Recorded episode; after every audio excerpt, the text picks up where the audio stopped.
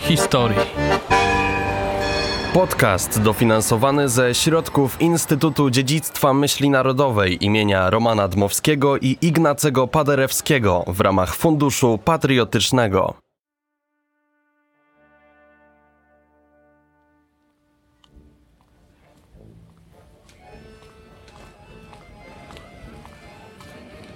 Ulica Bera Mejzelsa znajduje się w Krakowie na Kazimierzu, wcześniej pod nazwą Miedzucha. Od 1912 roku upamiętnia rabina Bera Mejzelsa. Biegnie od Placu Nowego aż do skrzyżowania z ulicą Augustiańską. Jej długość wynosi około 270 metrów.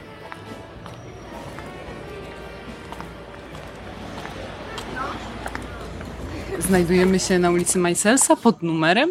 Pod numerem 7. I co się znajduje pod tym numerem? Komis Vanilla z odzieżą luksusowych marek. Od kiedy ten komis tutaj istnieje? Działamy od 9 lat, natomiast y, komis Vanilla y, już jest 19 lat na rynku i prowadzi go znana y, stylistka Małgorzata Lorenz. Czyli przychodzą tutaj osoby z, dobrymi, z, dobry, z markowymi ubraniami, zostawiają i czekają, aż ktoś inny kupi. Dokładnie tak przynoszą i kupują. Tak. Dużo osób tak przychodzi? Dużo osób, a teraz, kiedy jest e, inflacja, panie, e, mamy, mamy dobry sposób na to, czyli panie spłacają torebki ratanie, na przykład te, które są takich znanych marek typu Gucci, Prada, Chanel. Czyli butik tylko e, dla kobiet. E, dla wszystkich, dla mężczyzn również, którzy chcą sprawić przyjemność swoim kobietom i kupić coś e, z marek premium. E, czy są takie panie, które regularnie przychodzą kupować bądź oddawać w komis? Oczywiście tak. Tutaj mieszkające niedaleko, czy nie wiadomo? Tutaj z całej Polski, z zagranicy przyjmujemy też paczki, działamy mocno w social mediach, więc jesteśmy cały czas aktywne. Z biegiem lat komis zaczynał od marek takich bardziej, wypadło mi słowo, one się nazywają sieciówek, tak. Kiedyś e, tylko i wyłącznie sieciówki, teraz poszliśmy i staramy się wyróżniać na rynku krakowskim, kiedy, gdzie jest tutaj bardzo dużo komisów. Jesteśmy tym komisją, który rzeczywiście posiada te marki premium, oryginalne, sprawdzone e, z doświadczenia. No, już mamy 19 lat na rynku, więc trochę wiemy e, o, o markach i wiemy, jak rozpoznać, czy to jest replika, czy oryginał. Jakie części garderoby najczęściej panie przynoszą albo kupują? Torebki, zdecydowanie, okulary markowe oraz sukienki. A jak e, się tutaj na tej ulicy pracuje? Wspaniale. Świetny klimat. Klimat Kazimierza jest zupełnie inny niż, niż rynek. Jest dużo bardziej spokojniej e, i bardzo e, przyjazny klient. I chyba też dużo turystów. Oczywiście tak, z czego się bardzo cieszymy, w tym bardziej weekendowo. bardzo serdecznie dziękuję. Jeszcze raz jakby można podać adres. Zapraszamy do komisu Vanilla przy Majzelsa 7.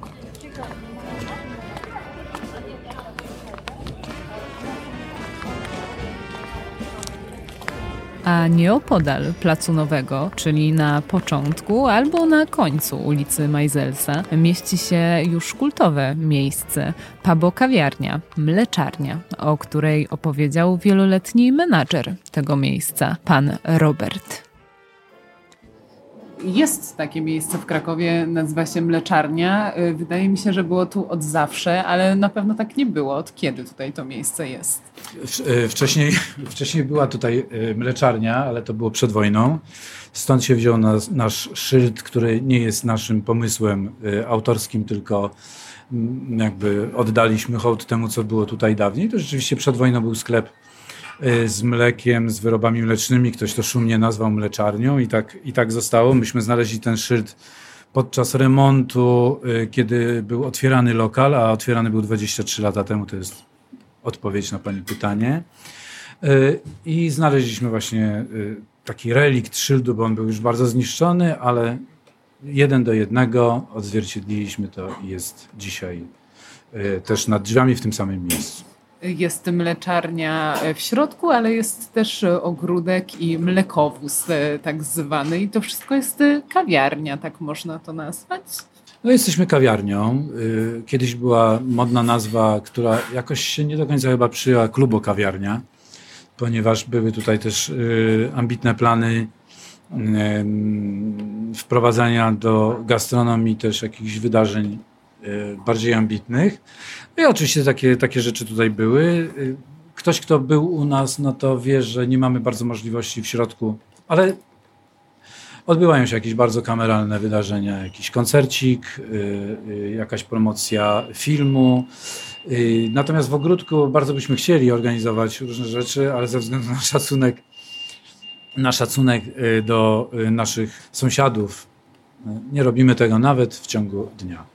Czyli są sąsiedzi, ktoś tutaj mieszka w tej kamienicy?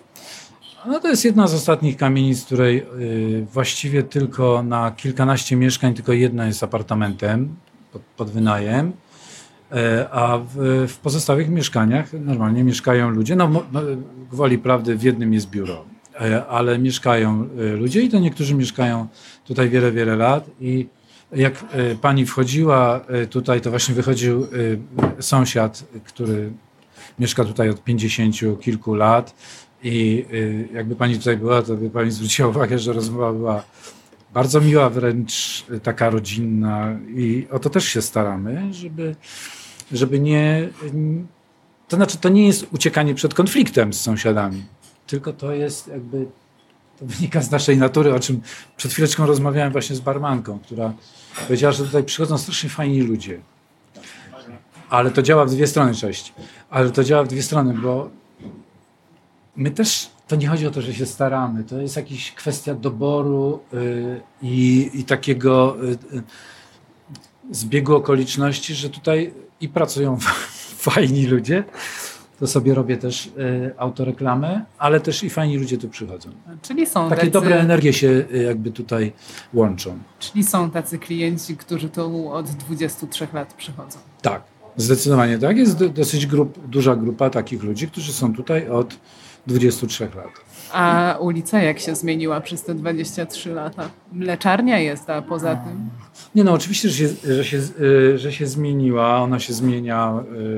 Nie ma już części sklepów, y, w mieszkaniach na parterze nie ma mieszkań na parterze, tylko y, są lokale gastronomiczne, bo tak tutaj było, że tutaj ludzie normalnie mieszkali na parterze i jak się przechodziło y, chodnikiem, to można było poczuć, co kto ma tam na obiad, albo zobaczyć, że ktoś zmienia pościel. Tego już nie ma. To zdecydowanie. Natomiast ten Kazimierz, mimo tego, że jest taką, takim kotłem gastronomicznym i tego tu jest bardzo dużo, to nadal nadal, nadal y, jest tutaj też, toczy się prawdziwe życie. Czy w mleczarni można dostać mleko? Tak, zdecydowanie tak. E, oprócz mleka również wszystkie inne wyroby, które nazywane są mlekiem, a mlekiem nie są, a robione są z soi i Bóg wie jeszcze z czego. Ja jestem starej daty i trudno jest mi to zaakceptować. Kawa powinna być z mlekiem. Aczkolwiek powiem pani tak, może pani to nagrać rzeczywiście, y, anegdota, też, też słuchaj, bo podeszła klientka, skracam to no, możliwie, podchodzi klientka, y, kobieta, która y, wygląda na bardzo bytą w świecie i prosi o kawę, najlepiej z mlekiem wegańskim. Zaznaczyła, że może być kozie. Więc no, różnie bywa z tą świadomością na marginesie. A ja się jeszcze chciałam zapytać tu o wystrój mleczarni, bo on jest e, bardzo specyficzny. Tu wisi bardzo dużo starych zdjęć. E, czy one są z jakimś zamysłem, e, czy to są przypadkowo jakieś zbierane artefakty? Na początku był to przypadek, bo lokal był otwierany bardzo spontanicznie i tak jak dzisiaj na przykład ktoś otwiera lokal na Kazimierzu czy Mówię to nie bez, nie bez powodu, bo w innych miejscach pewnie wygląda to inaczej, ale tutaj trzeba czymś na siebie zwrócić uwagę w sposób szczególny. Y, dzisiaj to się projektuje, y, to są designerzy, to są architekci wnętrz i tak dalej, tak dalej. 20 parę lat temu y, nikt o tym nie myślał i lokal był otwierany bardzo spontanicznie, ale to jest, nie starczyłoby Pani pamięci na tej karty, karcie, jakbym chciał to opowiedzieć. W związku z czym ktoś przyniósł w prezencie y, jakiś jeden czy dwa portrety, takie monidła. Y, potem pojawił się jeszcze jeden, cześć. Potem się pojawił jeszcze jeden. Y, następny, następny, następny. Y, I tak jak ja tutaj, y, ja też byłem, jestem w, tej, y, w tym lokalu od samego początku, ale nie jako menadżer. Menadżerem jestem od kilkunastu lat, ale przychodziłem tutaj, ponieważ też prywatnie znam właścicieli, zawodowo też byliśmy jakby po, po, jednej, po jednej linii. No i jak ja już zacząłem tu pracować, to stwierdziłem, że malowanie ścian zbyt często jest wysiłkiem dla planety, więc postanowiłem, że zapełnię te, te ściany zdjęciami tak szczelnie, że nie będą wymagały częstego malowania. W ten sposób ratuję na, na zasadzie y, zero waste, ratuję to, co ludzie wyrzucają na śmietnik, bo bardzo duża ilość tych portretów jest ze śmietnika, chociaż niektóre mogłyby nawet wisieć w Muzeum Fotografii. E, a, a z drugiej strony no, nie używamy co roku farby do malowania ścian. I przez to jest taki klimat tego miejsca, to jeszcze muszę zapytać, czy wie pan, kto jest patronem tej ulicy? E, patronem e, ulicy jest rabin Ber Meisels. I pod numerem mleczarnia jakim się mieści? 20.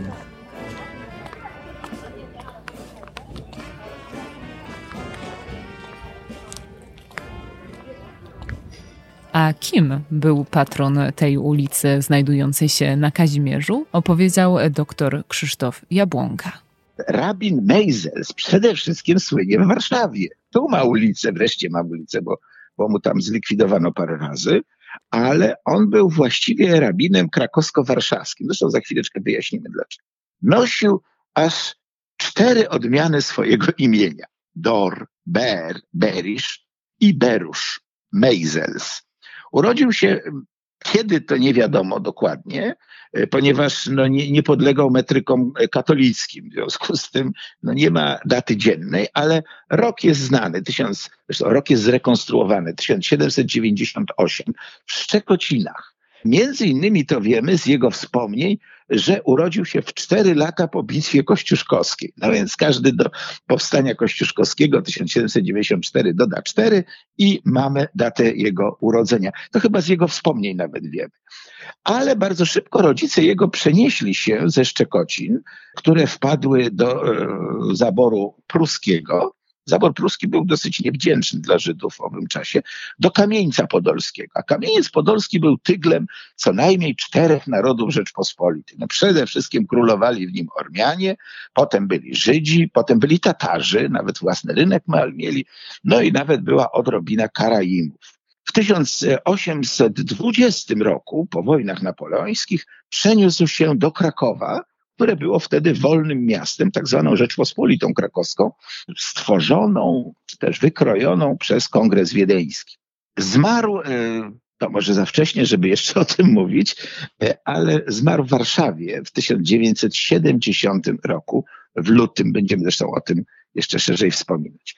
By, był to naczelny rabin Żydów polskich Królestwa Polskiego. No coś takiego jak e, w katolickim kościele ksiądz prymas. To on był takim prymasem rabinów naszych. Ale nosił do końca życia tytuł rabina krakowskiego urzędującego w Warszawie. Dlaczego?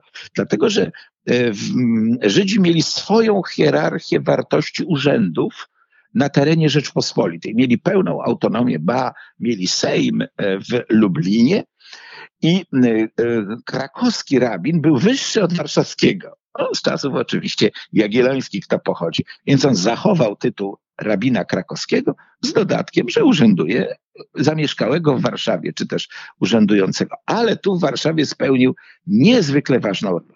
Otóż wdał się w spór z Senatem Wolnego Miasta Krakowa w 1846 roku, walcząc z przepisami dyskryminującymi Żydów. Jeszcze takie były, notabene wygrał i e, Kraków był za to mu bardzo wdzięczny.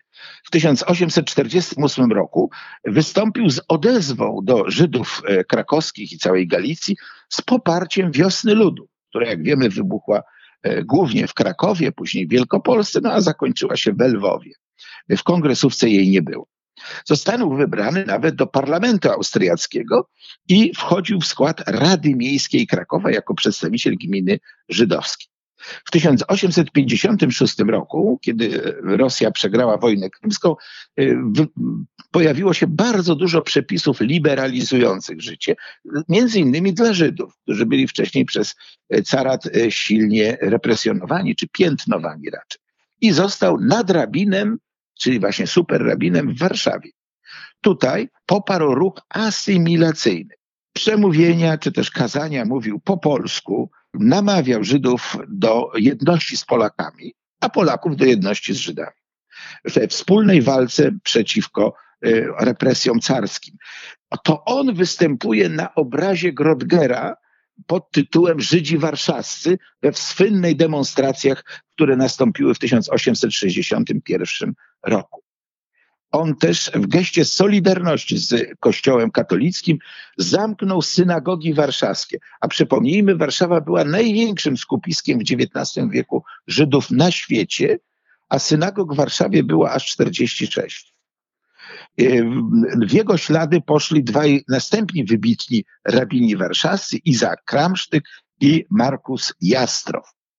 On też wziął udział w pogrzebie pięciu poległych i wszyscy Żydzi razem z nim. Pamiętajmy, że e, w następnym starciu 8 e, kwietnia 1861 roku, e, kiedy zabito ponad 100 osób, pierwsza salwa położyła, zabiła księdza Leszczyńskiego bodajże, który upuścił krzyż na czele całej delegacji. I wtedy młodziutki Żyd Landek chwycił ten krzyż i trzymał go przez 20 minut, zanim jego nie położyła e, salwa i jest pochowany na cmentarzu żydowskim w Warszawie przy samym zresztą wejściu. Właśnie młodziutki, dwudziestoparoletni. Taki rodzaj solidarności się wtedy e, wytworzył. Za działalność patriotyczną już e, w 1861 został aresztowany, osadzony w Cytadeli Warszawskiej i jest jednym z e, bohaterów tej Cytadeli, jednym z jej lokatorów. Został przez carat zmuszony do emigracji i okres e, powstania styczniowego w okresie przebywał w Wiedniu, skąd zresztą zakupywał w dużych ilościach i wysyłał do kongresówki broń potrzebną powstańcom oraz namawiał Żydów, stąd bardzo wielu karczmarzy, wszelkiego rodzaju arendarzy wzięło udział w powstaniu po stronie powstańców, a nie jak się ich często posądza, że byli szpiegami carskimi.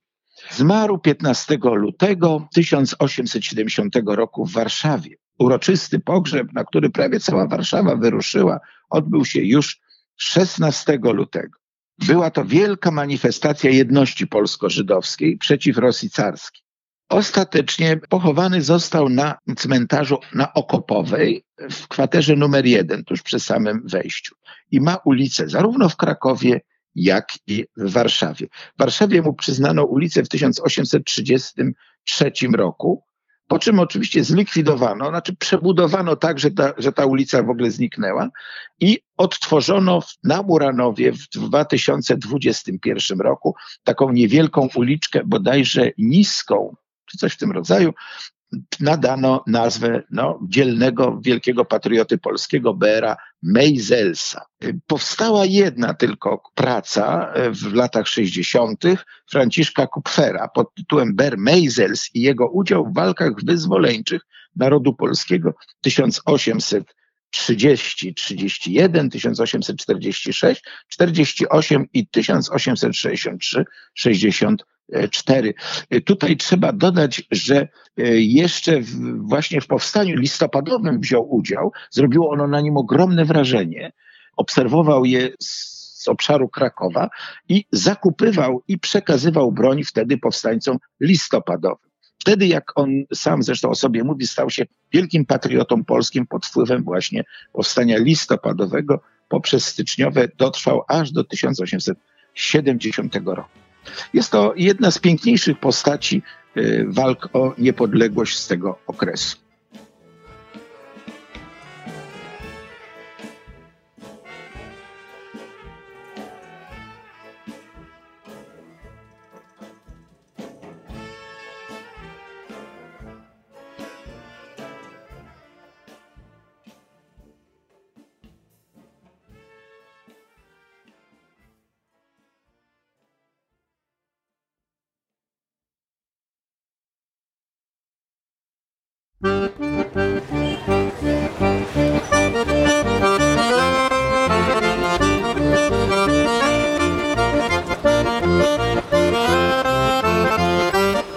Ulicami historii. Podcast dofinansowany ze środków Instytutu Dziedzictwa Myśli Narodowej imienia Romana Dmowskiego i Ignacego Paderewskiego w ramach Funduszu Patriotycznego.